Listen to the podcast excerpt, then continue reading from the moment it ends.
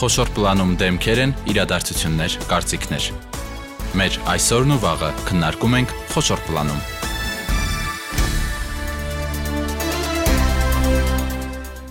Բարի երեկո, դուք միացել եք Հանրային ռադիո երիտասարդական ալիքին։ Այսօր 5 շաբթի է, եւս մեկ երիտասարդական թեմա է խոշոր պլանում։ Մենք միշտ խոսում ենք կրթությունից, չկա թեմա, որը չառնչվի այս կարևոր ոլորտի հետ, եւ հետաքրքիր է, որ հաճախ բուհերը մեղադրում են դպրոցներին, դպրոցները մանկապարտեզներին, նոր եթերից առաջ էլ խոսում էինք, մանկապարտեզներն էլ երբեմն ընտանիքներին, որտեղից պետք է սկսվի այս կարևոր օղակը կրթելու մարդկանց եւ հատկապես այս հակասության մեջ են միշտ բուհերը եւ դպրոցները դպրոցները, քանի որ մենք մտածում ենք, որ եթե բուհը տալիս է դիպլոմ, մասնագիտացում, ուրեմն սա է այդ վերջնական օղակը, բայց արի ուտես, որ դպրոցը շատ-շատ մեծ կարևոր դեր ունի, 10-ից 12 տարի մեր աշակերտները սովորում են եւ այստեղից դուրս գալիս էլ արդեն նրանք պետք է կարևոր հմտությունների տիրապետեն։ Մեր տաղավարում են այսօր կրթության զարգացման եւ նորարարությունների ազգային կենտրոն հիմնադրամի կրթական նորարարությունների եւ հետազոտությունների վարչության պետ Լիլիթ Մկրչյանը, բարև ձեզ, Տիկին Մկրչյան։ Շատ ուրախ ենք, որ կրկին մեր տաղավարում եք, միշտ սպասված հյուր եւ Շնորհակալ եմ հրավերի համար կրկին։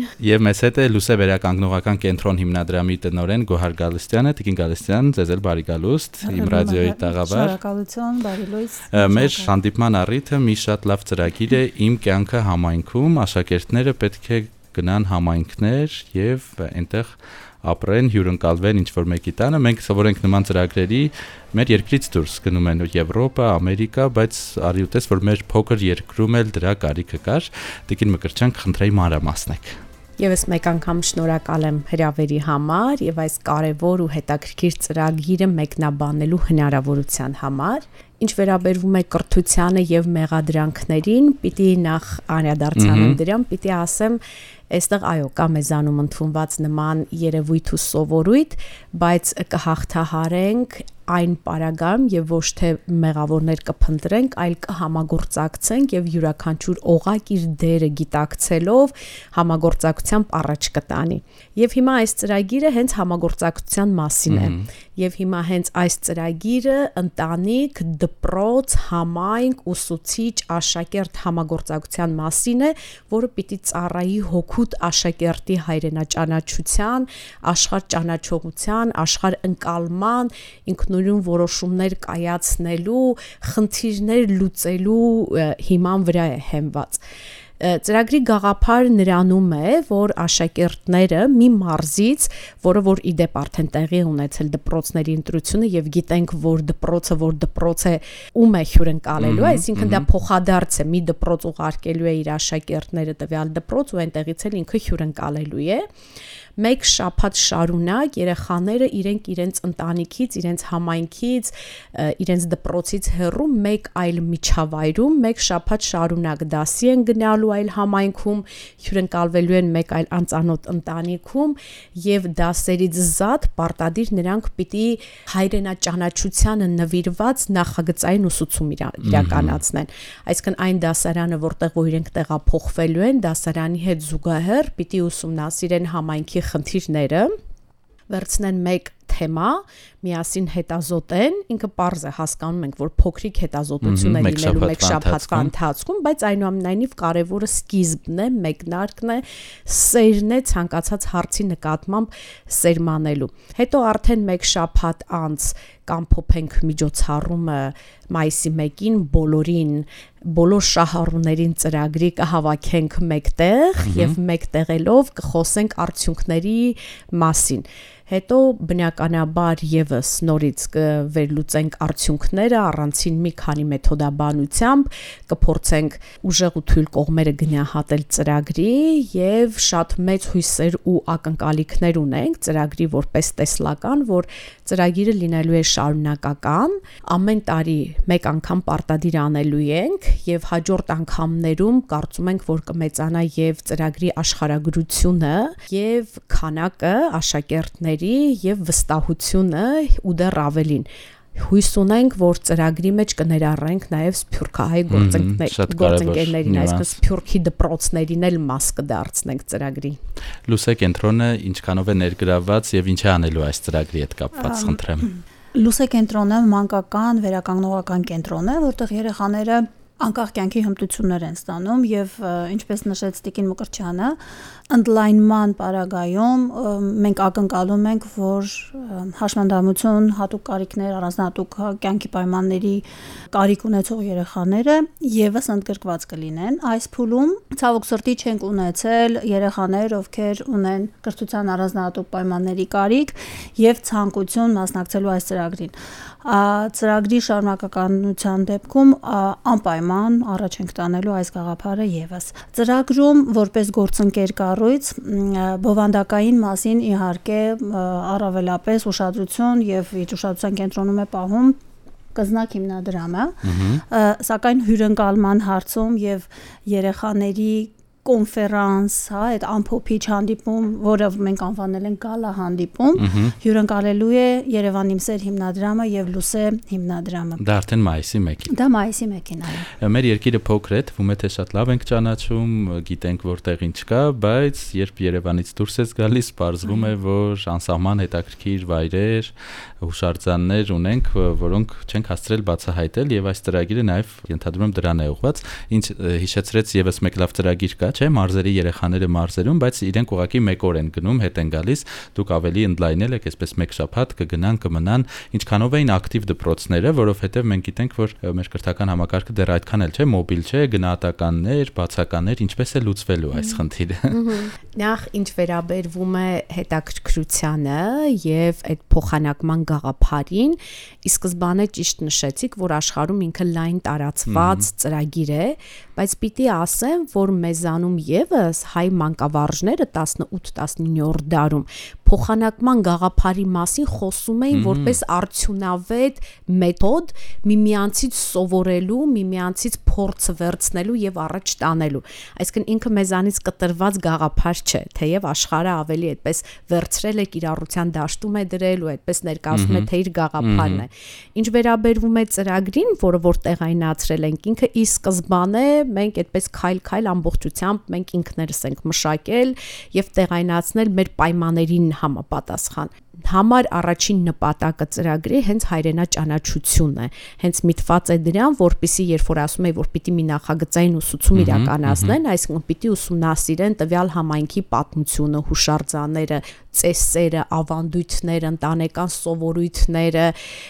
նախագիծը դրան միտված պիտի լինի։ Այսինքն ինչ կապ ունի իր միջավայրը, իր կյանքի որակի բարելավման վրա, ինչքանով է ինքը այդ ամբողջի կրողը ինչպես է զգում իր կյանքի որակի վրա այդ ազդեցությունը։ Գաղափարը շատ ողքեվորեց բոլորին, ով լսում է շատ հիացած է, ողքեվորված է, ասում է՝ «Օ, էս ինչ լավ բան էս ինչ լավ բան եք որոշել»։ Անկամ արձագանքն այնքան մեծ էր, որ ուսուցիչների համար կազմակերպեք նման փոխանակման ծրագրեր։ Հետո հասանք տնորեններին, որ հիմա էլ տնորենների համար է պետք կազմակերպել գաղափարները կան, է ցանկությունները, բայց երբ որ հասնում ենք գործողություններին, ողքեվորվածները շատ ավելի շատ էին, քան կան դիմողները եւ պիտի ասեմ որ նաեւ դիմողներից էլ հետո ընթացիկ երբ որ աշխատանքները սկսվեցին ինչ որ խնդիրների հանդիպեցինք դեռևս այդքան բաց բաց չեն եւ այդ վստահությունը չկա ում տուն կգնա ինչպես կապրի ինչ կլինի արդյոք իմ երեխային պիտի ուրիշի տուն ուղարկեմ այդ խնդիրները կան դրա համար ծրագրի այս մեկնարկի հաջողելու դեպքում կարծում ենք իսկ բոլոր ռիսկները գնահատված են ամեն ինչ մեր ուշադրության կենտրոնում է ու հսկողության կենտրոնում կենտրոնում է, հույս ունենք, որ շատ լավ է անցնելու եւ հաջորդ փուլում արդեն շատանալու է նաեւ Ինչ վերաբերվում է աշակերտների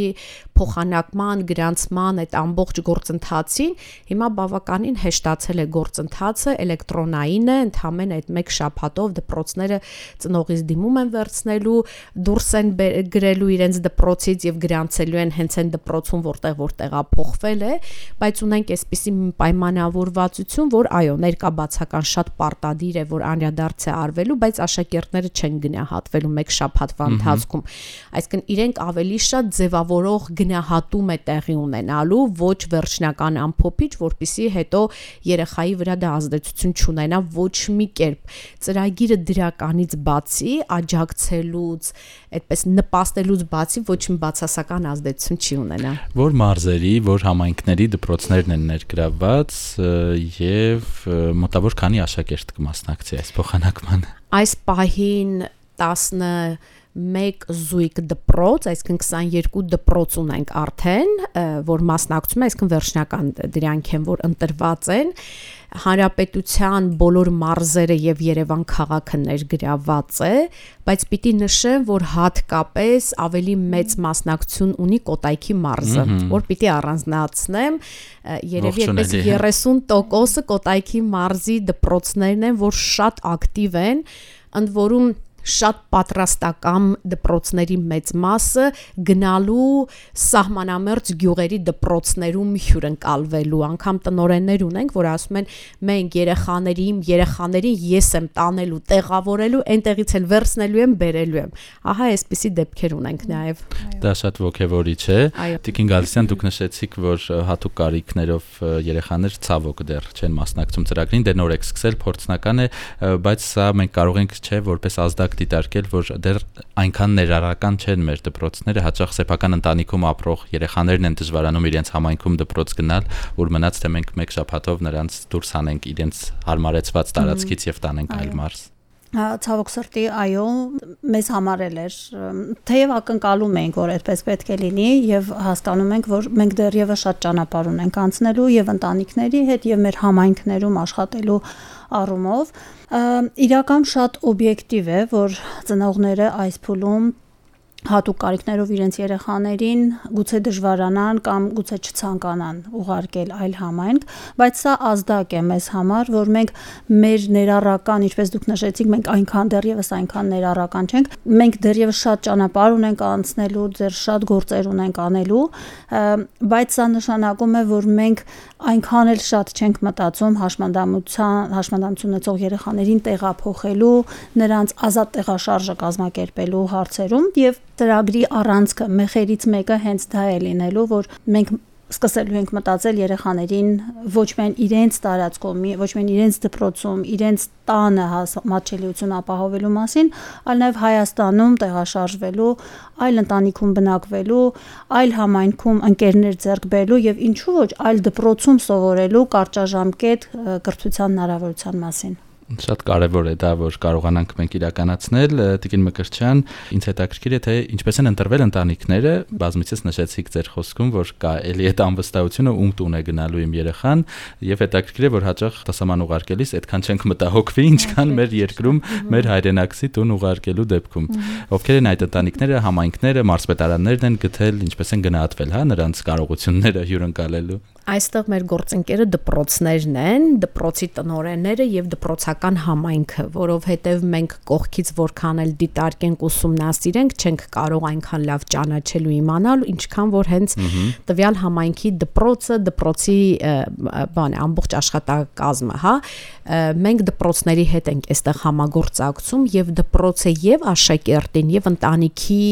այսպես երաշխավորությամբ ենք ընտրել, որովհետեւ ինքը լրիվ կամավորության հիմունքներով է, թե աշակերտները կամավորությամբ են ընտրվել, թե ընտանիքները կամավորությամբ են ընտրվել, այսինքն ովքեր ցանկություն են հայտնել մասնակցելու ծրագրին, նրանց հետ ենք ունեցել այդ զրույցը, բայց այդ ամբողջը արել ենք դպրոցների տնորենների հետ միասին, այսինքն իրենք են տեղում այդ առաջ տարել։ Իսկ ինչպես է որ որոշվելու ով ուր է գնալու, միգուցե նաև շատ ցանկություն լինի գալու Երևան, որովհետև չէ, ասացիք Երևանի դպրոցներ են մասնակցելու, ինչպես եք բավարարելու այս ցանկությունները։ Այո, այդ լուրջ խնդիր էր, որ մենք բավականին երկար մտածում ենք, թե ինչ մոդել ընտրենք, որpիսի օրինակ նույն մարզի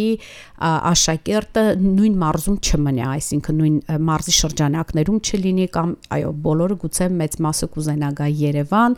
եւ կուզենան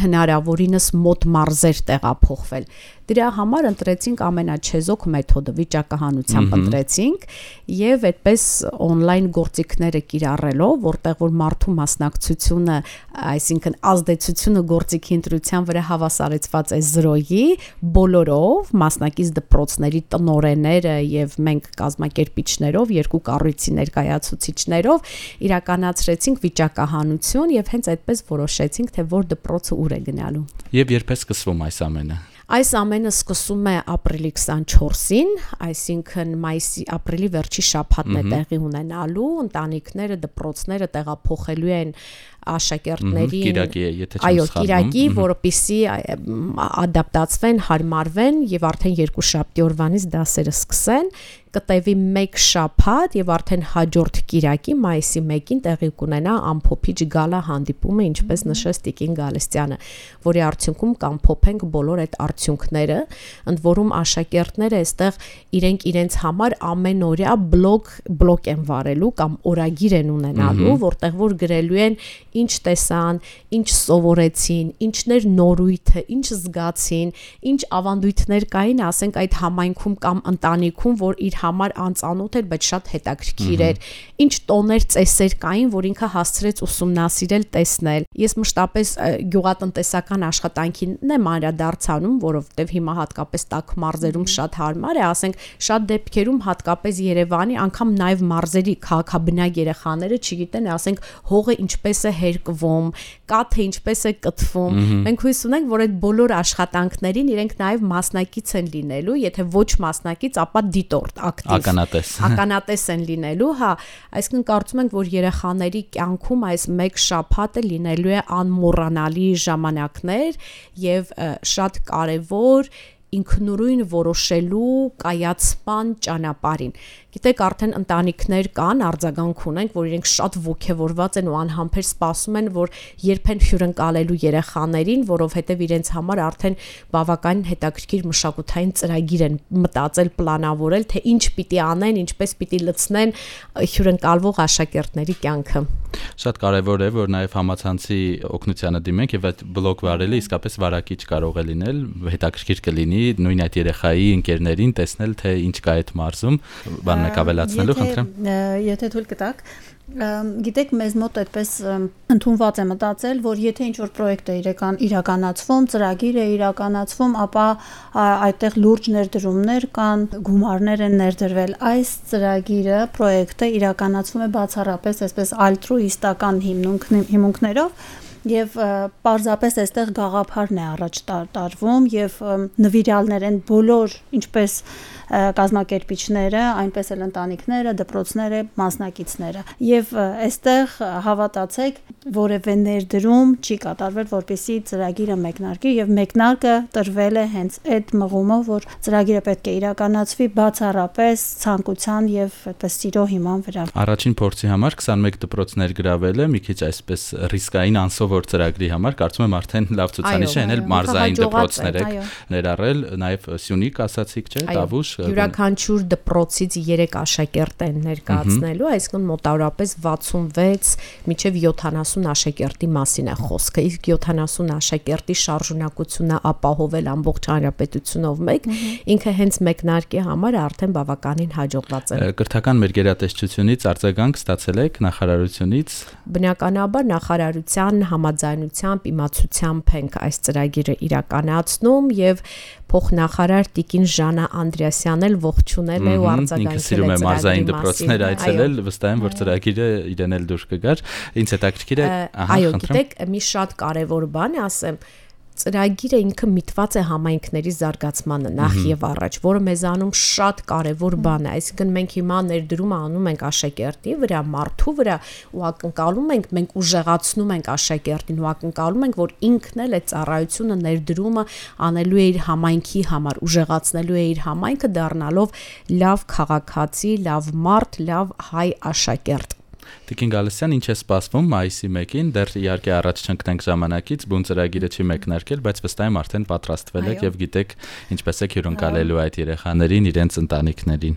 ինչպես ընտանիքներն են անհամբեր սպասում երեխաներին, հյուրընկալվող երեխաներին, այնպես էլ մենք Լուսե հիմնադրամում, Երևան իմ սեր հիմնադրամում անհամբեր սպասում ենք այդ միջոցառմանը։ Չկա օր, որ չքննարկենք եւ ինչ որ մի նոր գաղափար առաջ տանենք կզնակ հիմնադրամի հետ միասին, բայց ըստ էության լինելու է կոնֆե փոքրիկ կոնֆերանս, որտեղ երեխաները իրենց բացահայտումների, իրենց խնդիրների, իրենց մաշկի վրա զգացած խնդիրների, իրենց փոքրիկ կամ մեծ հաջողությունների մասին ներկայացնելու են ինովացիոն նորարարական մեթոդներով եւ այն ամենը ինչ որ բլոգում իրենք վարել են, ինչի մասին որ բլոգում խոսել են, դրա վերաբերյալ պրեզենտացիաներ են պատրաստելու եւ խրախուսվելու է նորարարական մոտեցումը եւ պրեզենտացիաների ներկայացումների համար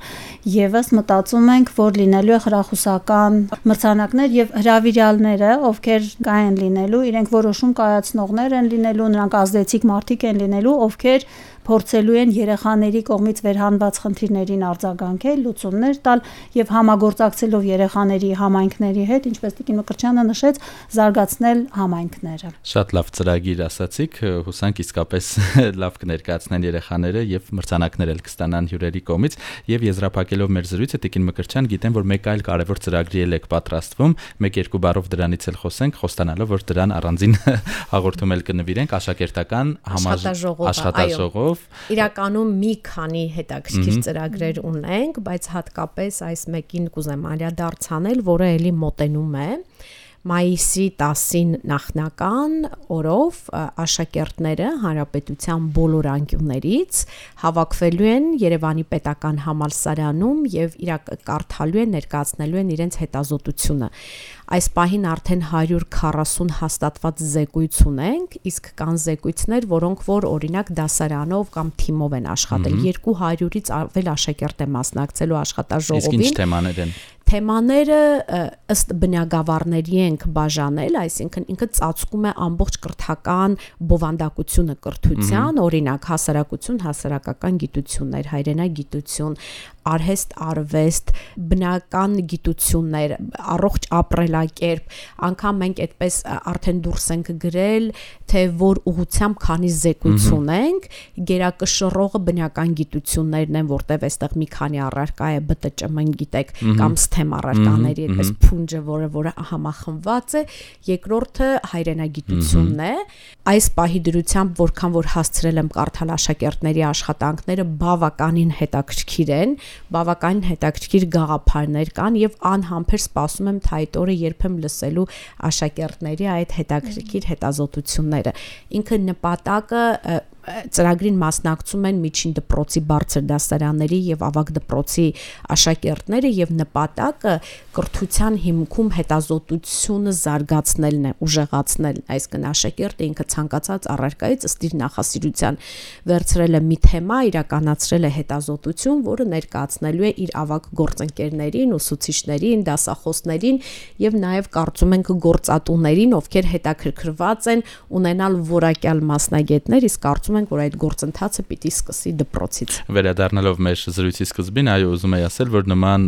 ֆորմատով հանդիպումներ մենք սովորենք, որ լինեն ուսանողական որ աշակերտը հանդիպի գործատուին, ես առաջին անգամ եմ լսում։ Ինքը աննախադեպ է այդ առումով, թեև աշակերտական աշխատաժողովներ եղել են միջև հիմա փոքր-փոքր կոնկրետ դպրոցների, կոնկրետ այսպես, բայց այս ծածկույթով, այս ծավալով եւ նման ընդգրկվածությամբ սա աննախադեպ է։ Շնորհակալ եմ երկուսիդ էլ, հաջողություն եմ մաղթում։ Բազում ծրագրեր գիտեմ ունեք բոլորին, բայց առաջին հերթին այս մեկին, որը կոչվում էր իմ կյանքը համայնքում։ Շնորհակալ ենք։ Ես հիշեցնեմ, որ այսօր մեր տաղավարում էին կրթության զարգացման եւ նորարարությունների ազգային կենտրոն հիմնադրամի կրթական նորարարությունների եւ հետազոտությունների վարչության պետ Լիլիթ Մկրչյանը եւ Լուսե վերականգնողական կենտրոն հիմնադրամի տնօրեն Գոհար Գալստյանը, նրանց հետ զրուցեց Սևակ Հակոբյանը։ Մենք եթեր կվերադառնանք հաջորդ 5 շաբթի, առողջ եղեք։